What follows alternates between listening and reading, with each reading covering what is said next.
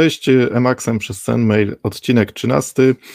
No tak się jakoś złożyło, że ten odcinek 13 pojawił się wraz z takimi nieciekawymi e, okolicznościami. Zerknąłem sobie jeszcze przed chwilą, w ostatnim odcinku mówiliśmy e, o kwestiach związanych z trochę z cenzurą w internecie, z blokowaniem e, w kontekście między innymi Turcji, Rosji, ale też Stanów Zjednoczonych. No i tak się jakoś stało, że nie planując tego w ogóle, okazuje się, że chyba ten odcinek poświęcimy też mocno tematom e, związanym z e, między innymi cenzurą, propagandą, wojną informacyjną, cyberpropagandą, wszystkim, co się wokół tego kręci w kontekście oczywiście wojny, która zastała nas z zaskoczenia.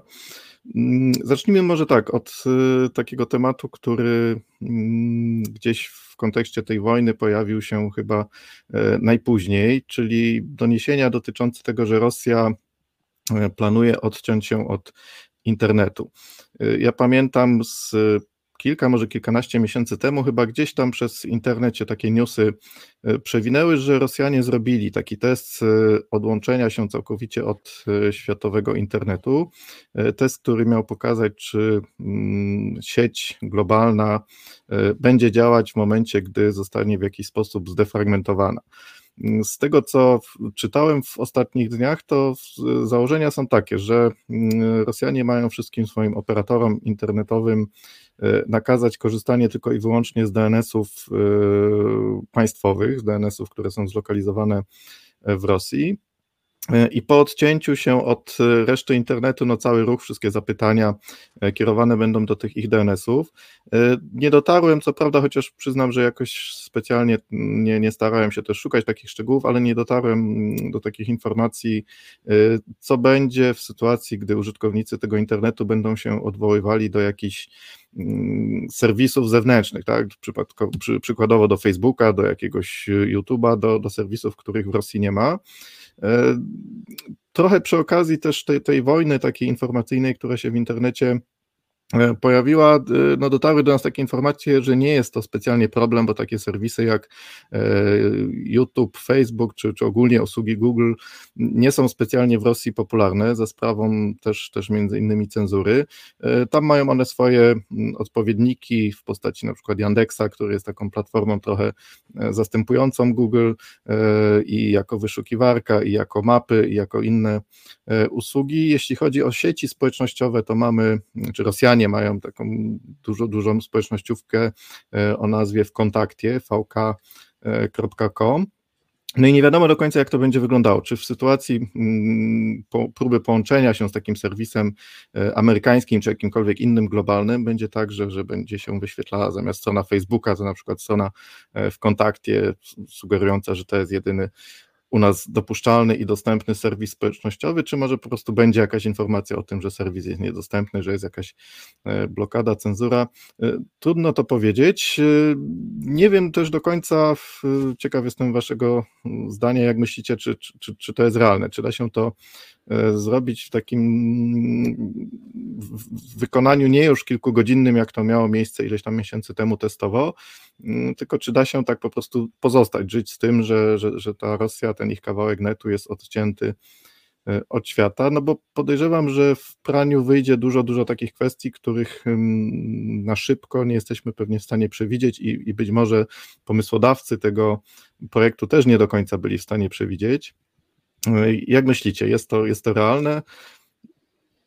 No testy nie były zrobione, tak jak mówiłeś, bo widziałem, że w 2019 roku e, kilkugodzinne, które się, które się faktycznie powiodły, natomiast wspomniałeś, no, że właśnie ten internet będzie potrzebny do jakichś zewnętrznych usług, typu na przykład, nie wiem, e, rachunkowość bankowa, która oczywiście teraz jest trochę, trochę ograniczona przez blokadę SWIFT-a, ale no generalnie jakaś tam komunikacja bankowa musi być. Podejrzewam, że to bardziej działałoby na zasadzie, że zwykły e, szary człowiek miałby tylko dostęp do, do, do runetu, a jakieś tam centralne organizacje rosyjskie e, mogłyby wychodzić na zewnątrz. No, takim, takim runetem to trochę Rosjanie by się upodabniali do Korei Północnej, gdzie bodajże też jest tylko jakiś wewnętrzny intranet, tylko, tylko najwyższe, najwyższe władze państwowe mają chyba tam troszkę tego internetu, żeby wychodzić na zewnątrz, e, więc trochę w tą stronę Rosjanie by szli, co generalnie nie brzmi jakoś e, optymistycznie co do ich kraju, więc no, Ja się tak to, to tutaj... też trochę od strony technicznej zastanawiam, bo w, nie, co prawda nie było to jakimś tam dużym, e, dużym zagadnieniem, którym się mocno zajmowałem, ale kwestia no, chociażby takich, takich rzeczy jak routing y, BGP, e, trasowanie ruchu pomiędzy operatorami, pomiędzy e, AS-ami tak zwanymi, e, to wiemy chociażby z awarii Facebooka, która też stosunkowo niedawno miała miejsce, że jakiś jeden mały błąd, czy, e, czy awaria, czy zła konfiguracja jakiegoś jednego routera BGP może spowodować niezłe zamieszanie na całym świecie i, i te, te przebudowanie się tych tablic routingu w protokole BGP czasem zajmuje sporo czasu, zanim się uda coś odkręcić. I się zastanawiam, czy, czy też nie może być tak, że te ich próby i kombinacje spowodują jakieś zamieszanie e, u innych dostawców internetu, czy, czy ogólnie na całym świecie, bo może tak być, że, że, że te próby, y, co prawda wtedy z tego co pamiętam nie było jakichś takich problemów, ale jestem sobie w stanie to wyobrazić, y, a co więcej, jestem sobie w stanie nawet wyobrazić, że mając odpowiedni potencjał i, i złe zamiary, to w, są też w stanie namieszać rzeczywiście w tej sieci, Zresztą przypominają mi się też, były chyba takie nawet próby mm, i to i ze strony Rosji, i ze strony Chin y, przechwycenia jakiegoś ruchu. Mm, takie, takie pojawiły się to gdzieś w ostatnich latach, pamiętam tak, z dwa przynajmniej. Enea zostało schakowane chyba ich e, serwery, ich e, routery. Kiedyś nasza właśnie e, Ina Enea była, router ich został schakowany i chyba wysyłał wszystko E, do Rosji. Był taki case. Ale, ale były takie, takie, pamiętam, że pojawiły się jakieś właśnie, no, nie błędy, tylko podejrzewam, że celowe działania gdzieś tam w, w konfiguracji BGP, mm, że routery, niektóre z routerów, które nie były do tego w ogóle uprawnione, czyli routery gdzieś tam chińskie czy, czy rosyjskie, bo dwa takie kojarzę incydenty, e, rozgłaszały mm, trasy do serwisów takich jak Facebook czy, czy do jakichś usług Google, do których one tak naprawdę nie miały trasowania, ale rozgłaszały to po to, czy miały to trasowanie, ale, ale mniej atrakcyjne, tak, czyli to była dłuższa ścieżka, patrząc na te wagi routingowe, dłuższa ścieżka niż ścieżka mm, domyślnie używana przez, przez użytkowników internetu i ten ruch szedł gdzieś tam przez, e, to były co prawda takie bardzo incydentalne, chyba z tego co pamiętam, to, to, to nawet nie kilkuminutowe, tylko, mm, tylko, tylko takie bardzo krótkie, chwilowe przełączenia, że ruch poszedł nagle, masa ruchu z całego świata, która szła do jakichś tam serwisów typu Facebook czy Google, mm, poszła nagle przez Chiny. I to się oczywiście wydawało, no, że to może nie było jakiś e, duży problem czy duże zagrożenie, no, ale tak naprawdę wyobraźmy sobie, ile w ciągu nawet jednej minuty czy kilkudziesięciu sekund, e, ile takiego ruchu z całego świata gdzieś do tego mm, jednego czy drugiego większego dostawcy jest kierowane i, i przechwytując to podejrzewam, że były jakieś tam kosmiczne ilości rzędu setków gigabajtów czy, czy nawet terabajtów. E, przechwytując taki ruch, no nie wiadomo co się później z nim działo, tak? Gdzieś, gdzieś skopiowanie, zapisanie sobie sobie tego ruchu dawało później różne możliwości gdzieś tam e, rozszyfrowywania, łamania jakichś kluczy sesji. Mm, myślę, myślę, że jest to takie zagrożenie, które też e, pewnie trzeba brać pod uwagę. Z tego co pamiętam, dzisiaj mamy 9, chyba 11 e, czy 12 marca, taka mi się kojarzy gdzieś tam, przewinęła mi się wczoraj, chyba w nagłówkach data, że na ten, na ten dzień sobie postanowili tą zamianę. A w, jeszcze mi się jedno pytanie w kontekście tego nasunęło, jak, jak myślicie, czy mogło to być spowodowane tymi atakami ze strony e, aktywistów, ze strony Anonymous? Myślicie, że to ich przed tym uchroni? Znaczy, w ogóle to, że właśnie, tak jak mówisz, Rosja całkowicie nie może się odłączyć od internetu, bo jednak chce współpracować z Chinami i chyba Kazachstanem i innymi krajami, które jednak chcą z nimi współpracować, tym gardku krajów, e, czy nawet e, no, chociażby z Węgrami, czy innymi, no musi nadal sprzedawać jakąś ropę i robić jakieś biznesy inne, więc całkowicie nigdy nie może się odłączyć od, od internetu. Czy będzie wielkie C? Na razie tak naprawdę nie ma wielkich, żadnych takich informacji, że Rosjanie atakują cybernetycznie jakieś coś poza Ukrainą czy zwycięstw. E, w ogóle sam atak na Ukrainę był bardzo precyzyjny, cybernetyczny był bardziej precyzyjny, tak jak na przykład Notpieta prawie rozlała się na całą na cały świat, to nic takiego nie, nie wystąpiło. E, więc jakby tutaj nie widzę za bardzo jakichś tam informacji, czy ten, że Rosja coś chce zrobić. E, ten. Pamiętajcie, że Rosja dużo gada, a jak widzimy na Ukrainie też mało robi.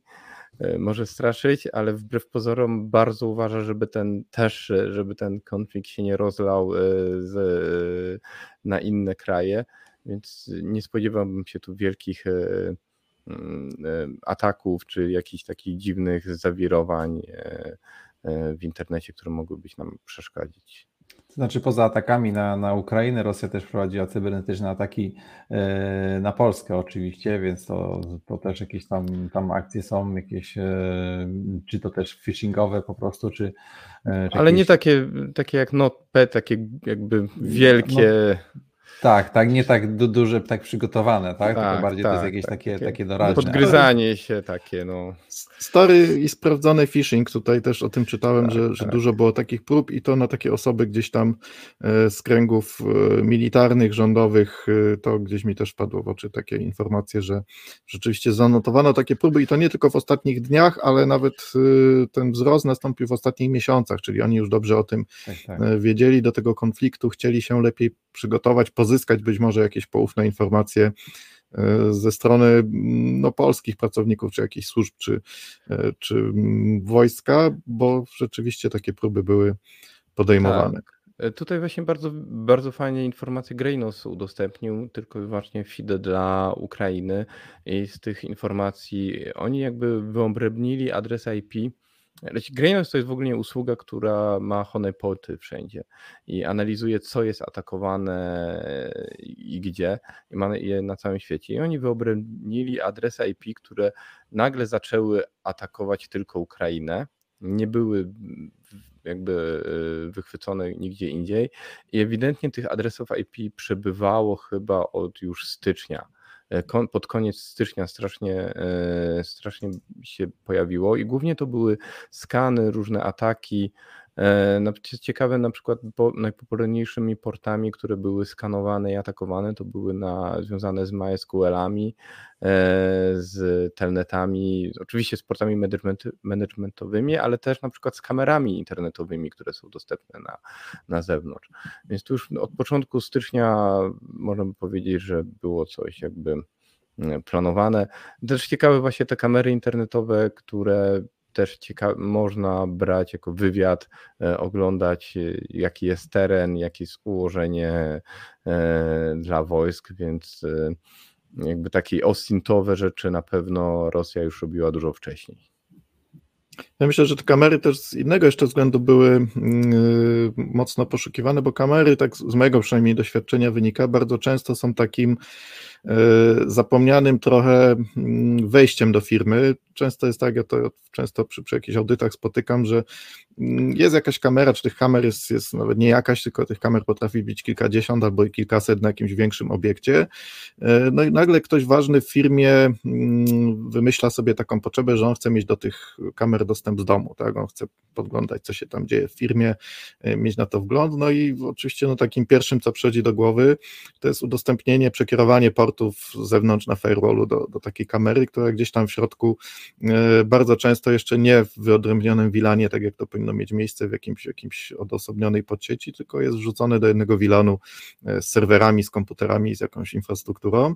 E, Na te kamery, jak pewnie kojarzycie gdzieś tam takie, przynajmniej tych, tych najpopularniejszych producentów, no one jeśli chodzi o bezpieczeństwo mają, mm, pozostawiają wiele do życzenia i wbicie się, włamanie na taką kamerę, no daje często dostęp do pozostałej infrastruktury. Jest tak, że przez tą prostą kamerę, która E, często można znaleźć w internecie. Już nie wspomnę nawet o takich jakichś przeoczeniach, bo to też się zdarza, typu jakieś domyślne hasła pozostawione na takich urządzeniach, ale no to oprogramowanie kamer niestety, jak to często z oprogramowaniem e, wszelkiego IoT bywa, jest mocno dziurawe i dużo takich poważnych luk w tych systemach występuje, łatwo jest je wykorzystać. Myślę, że to też mm, w tym celu, żeby, żeby dalszy dostęp do infrastruktury uzyskać, e, mogły one być obiektem zainteresowania. Tutaj atakami może nie Rosja nie robiła takimi cybernetycznymi, ale widać bardzo dużą aktywizację troli i to bardzo łączy się z, no właśnie to chyba Kuba, ty udostępniłeś na LinkedInie ten post związany z antyszczepionkowcami i portami, to to była dość duża burza chyba pod komentarzem. Tak, był, był, taki, był taki instytut, nie pamiętam dokładnie nazwy, Instytut Badania Mediów chyba i, i sieci społecznościowych, przepraszam, bo, bo pewnie to przekręcam, ale coś, coś w ten deseń, opublikował takie badania, które wynikały, z których wynikało, że bardzo dużo takich postów prorosyjskich i antyukraińskich E, pojawiło się na profilach e, i te profile, 90% z tych profili to były profile, które jeszcze parę tygodni wcześniej bardzo mocno angażowały się w propagację takich teorii, w propagowanie takich teorii antyszczepionkowych, kwestionujących w ogóle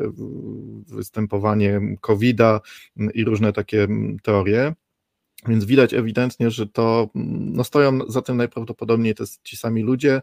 E, to zresztą się wcześniej, wcześniej w internecie, w różnych e, serwisach zajmujących się takim badaniem e, tych sieci i tego, co się dzieje, i tych, i tych różnych powiązań pomiędzy kontami troli, kontami jakichś botów, kontami ludzi, którzy to bezmyślnie rozprzestrzeniają, wynikało, że wiele z tych takich głośnych afer, które na przestrzeni ostatnich lat i miesięcy wybuchały, to były afery, które były gdzieś tam inicjowane, podżegane przez te same konta, przez te same osoby, najprawdopodobniej właśnie z Rosji. I mówimy tu o takich głośnych wydarzeniach jak wybory e, w Stanach Zjednoczonych, jak e, Brexit, jak wprowadzenie 5G i różne teorie związane z tym 5G, jakie to ono jest szkodliwe. Już nie wspomnę o takich teoriach, gdzie to 5G niby też było odpowiedzialne za rozprzestrzenianie się koronawirusa.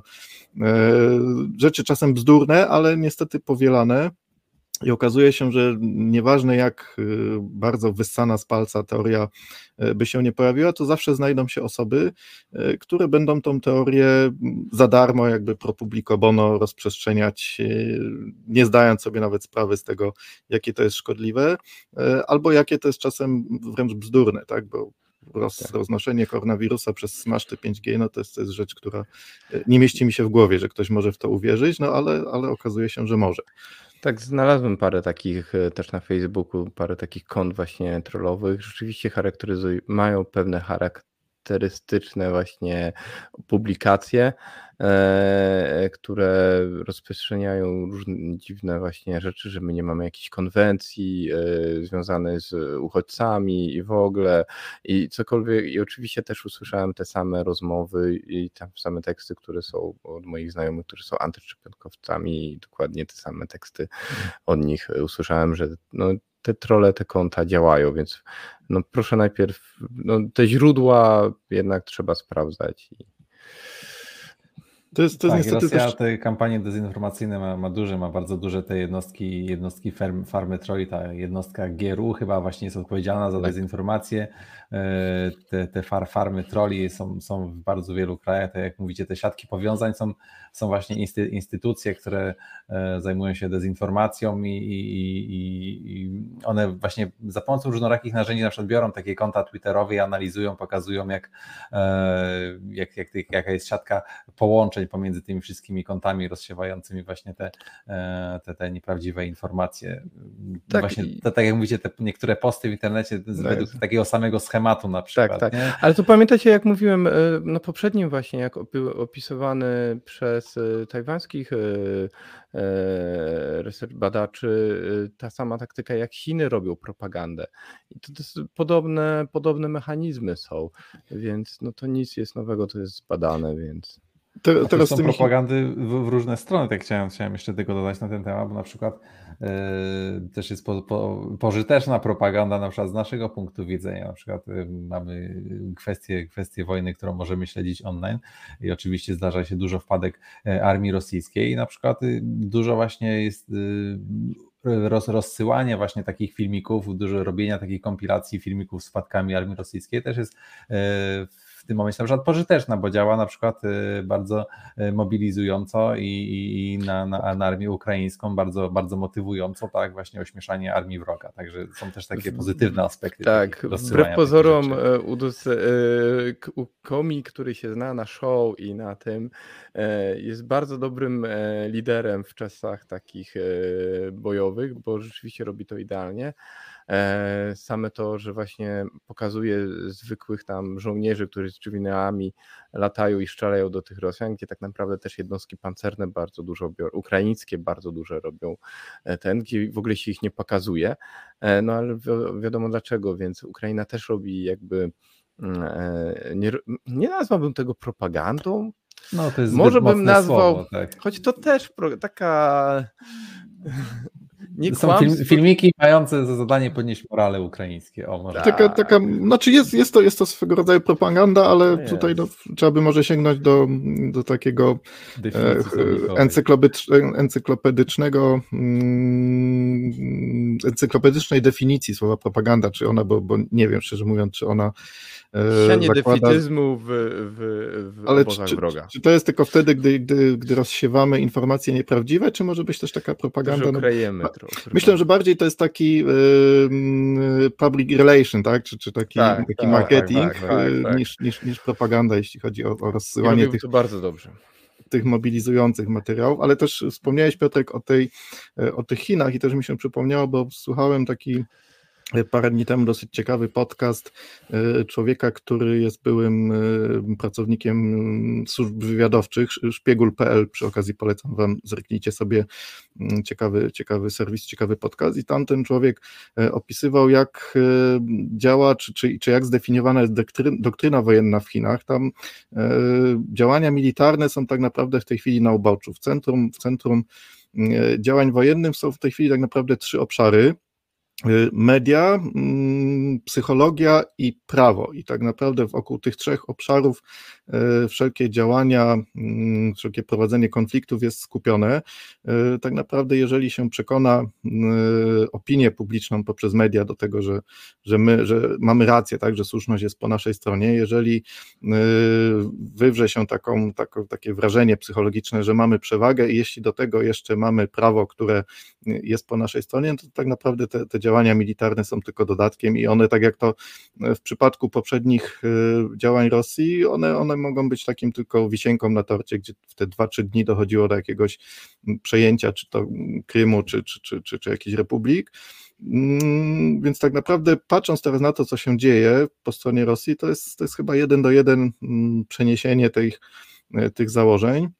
Bo tutaj mamy dokładnie to samo. Mamy wojnę taką e, propagandową, odcięcie mm, społeczeństwa własnego od, od informacji, czyli taka praktycznie bańka medialna. No, no, żyją, żyją w tej chwili Rosjanie e, trochę jak w Matrixie. Dla mnie to jest e, cały czas zagadka, na ile rzeczywiście tak jest, że mm, tam duża, duża część społeczeństwa w ogóle nie ma pojęcia o tym, co się dzieje. Myślę, że na... są, tylko Rosjanie ci.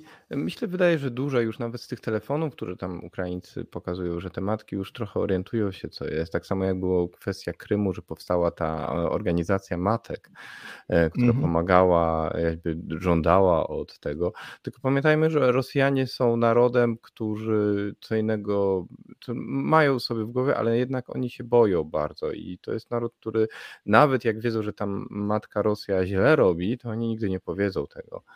No, ale, ale to jest właśnie... nie każdy jest tego świadomy. Są przykłady na przykład właśnie Rosjan żyjących poza granicą Rosji, typu na przykład znani tak. sportowcy, którzy okazuje się, że są bardzo proputinowscy i część z nich tak. naprawdę wierzy, że tam y, y, Rosja weszła do Ukrainy po to, żeby wyzwolić te republiki donbaskie, żeby wygonić y, nazizm. To są sportowcy, którzy żyją za granicami Rosji od kilkunastu lat, którzy mają dostęp już do zachodnich mediów, a jednak to ta propaganda tak Ale oglądają dalej, oglądają dalej Sputnika, Russia Today i Russia Today ulubiony to zależy, kto serwis Janusza Korwina-Mikke, tak. który cytował ostatnio materiał Pamiętaj, z Russia Today. Tak, pamiętaj kto komu płaci i to wiesz, no niestety ludzie zapominają, nie wiem dlaczego ludzie wszyscy wierzą, że wszyscy są prawdomówni i nikt nie bierze pieniędzy za to, co mówi i ten, no wiadomo, że no, pieniądz Ale... przemawia, tak?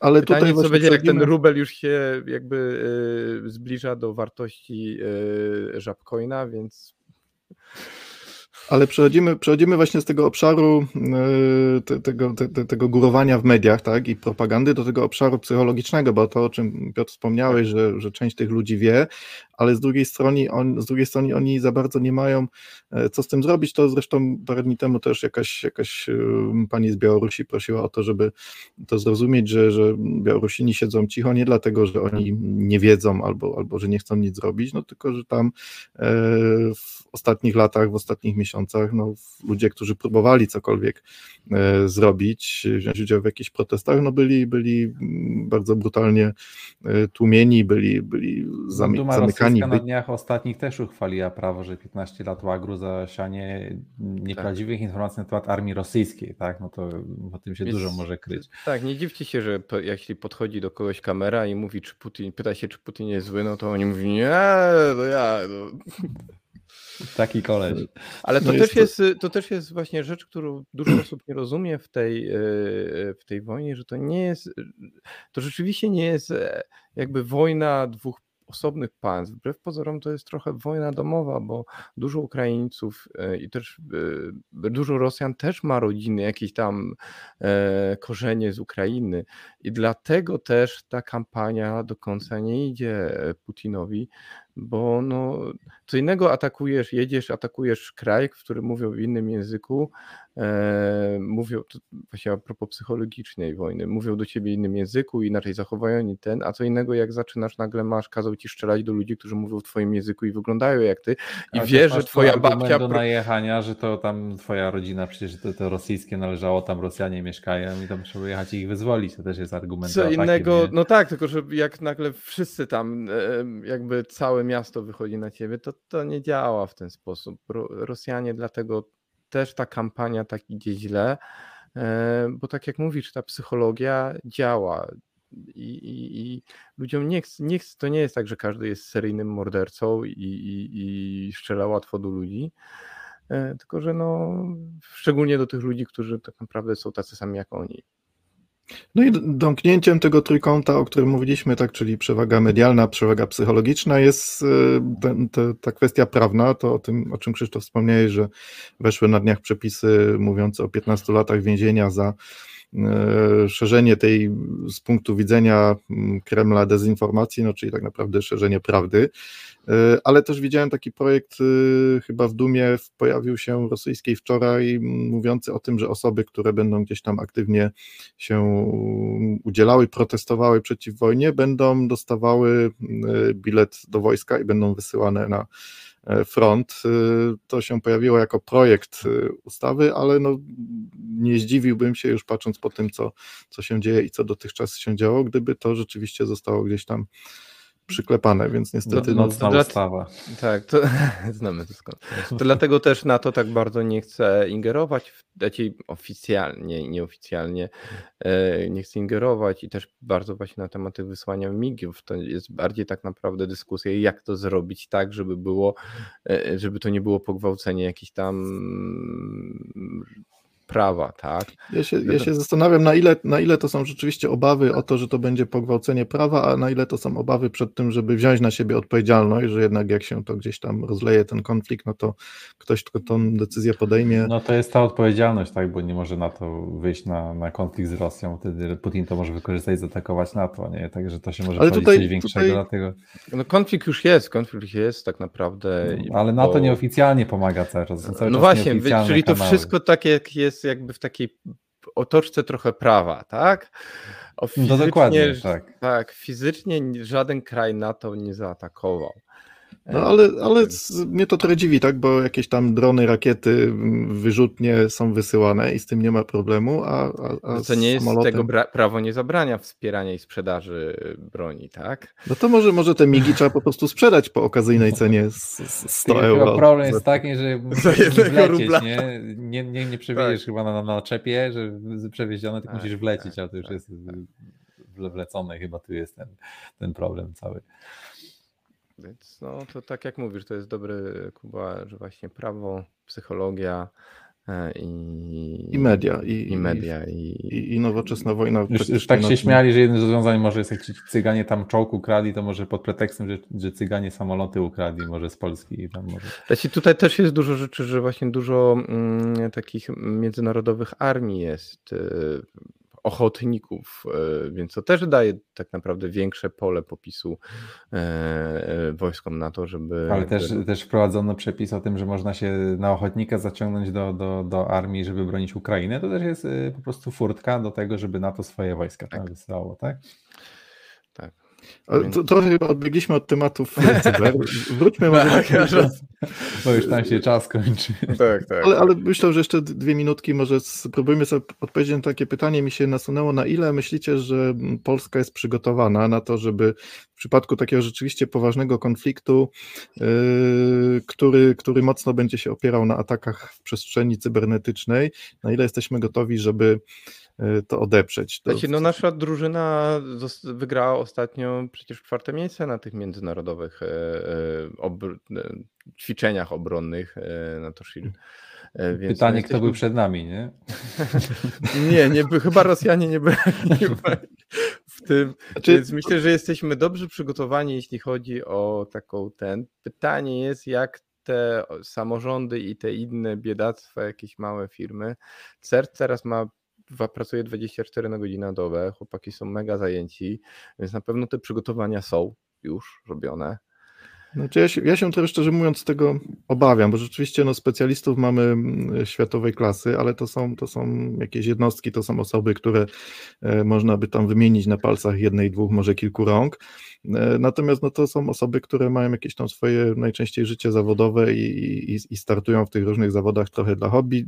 E, niektóre z tych osób no, gdzieś tam... Nie, to CERTy tam w tym na to Shield Tak, wokół. CERT-u, wokół CERT-u, tam właśnie chciałem powiedzieć, że niektóre z tych osób są Mhm.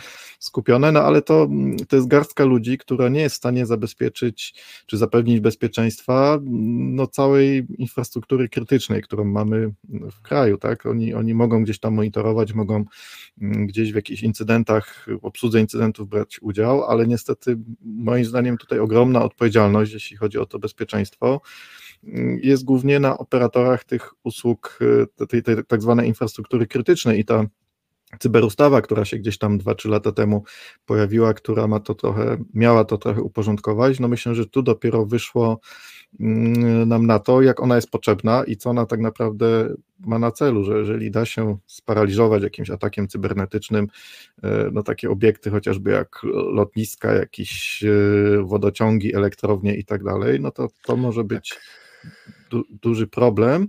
E, I patrząc tak trochę na to, co się teraz dzieje, bo gdzieś tam też mi się nagłówki jakieś przewinęły, m, co się dzieje w Stanach. No w Stanach jest, jest y, dużo instytucji, które bardzo aktywnie przygotowują m, i firmy, i, i, i różnych operatorów usługi internetu do tych ataków. Tak, widziałem takie ostrzeżenia z ostatnich dni, czy wręcz zachęty do tego, żeby mm, sobie po. mm, Była gdzieś tam SANS chyba wydał taką listę 90 e, paru podatności, które są wtedy, które są w tym momencie na topie, jeśli chodzi o ich eksploitowanie i wykorzystywanie. I to były takie podatności, no nie tylko najnowsze z ostatniego roku czy dwóch, ale były tam też takie jeszcze sprzed trzech, czterech, e, pięciu lat. Cały czas masa, masa urządzeń jest w internecie, które mm, z tymi lukami funkcjonują, natomiast no, u nas jakoś tak za bardzo nie widzę, żeby, żeby były jakieś takie ruchy w kierunku tego, żeby pomóc Wreszcie widać, widać, certy wysyłają bardzo dużo, skanują internetowe, internety i wysyłają te informacje. Widać nawet trend Shodana, że bardzo dużo spada tych po ilość podatności.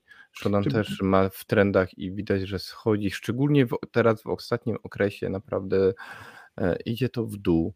E, mamy też Cyber Mila, więc myślę, wydaje, znaczy w ogóle w Polsce największym problemem w cyberbezpieczeństwie było ustawodawstwo, które jakby nie, e, brak możliwości przez CERTów jakieś wpływanie na tych fizycznie, na, e, na dostawców i w ogóle ta cała procedura była bez sensu, że nie mogła wyłączyć lub jakoś tam wpłynąć na to, żeby on się spaczował, czy odłączyć go, czy jakoś tam e, ten, policja też nie wspomagała, Myślę, ale za to jeśli rzeczywiście w takim jakby teraz okresie mm, chyba ma CERT większe uprawnienia i jest większy, bardziej na to jakby e, więcej ludzi na to patrzy i wydaje mi się, że jest, są duże ruchy, żeby zabezpieczyć polską cyberprzestrzeń.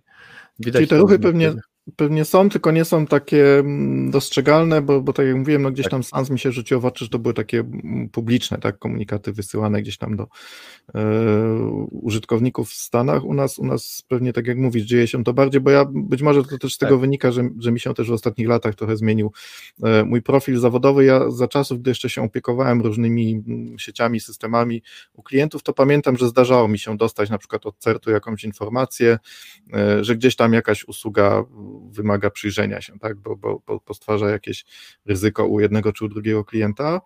E, natomiast oczywiście, rzeczywiście w, ostatnich, w, ostatnich, w ostatnim czasie się już tym nie zajmuję. Może, może dlatego to, ten mój pogląd jest taki spatrzony, ale myślę, że niezależnie od tego, że mm, problem, jeśli chodzi o, o budowę takiej świadomości czy pomoc w zabezpieczeniu się E, wśród y, biznesu takiego prywatnego, bo infrastruktura krytyczna no to jest jedno, ale mamy jeszcze całą masę różnych biznesów, które gdzieś tam mogą być też w łańcuchu dostaw, jeśli chodzi o tą infrastrukturę krytyczną i oni, e, ci, ci, ci dostawcy tych usług cały czas myślą jeszcze tutaj mają przed sobą dużo pracy i obawiam się, że przy takim poważnym ataku, przy takim skomasowanym, tak jak to w przypadku Ukrainy teraz miało miejsce, ataku na nasze systemy, no dużo niestety słabości wyszłoby na jaw.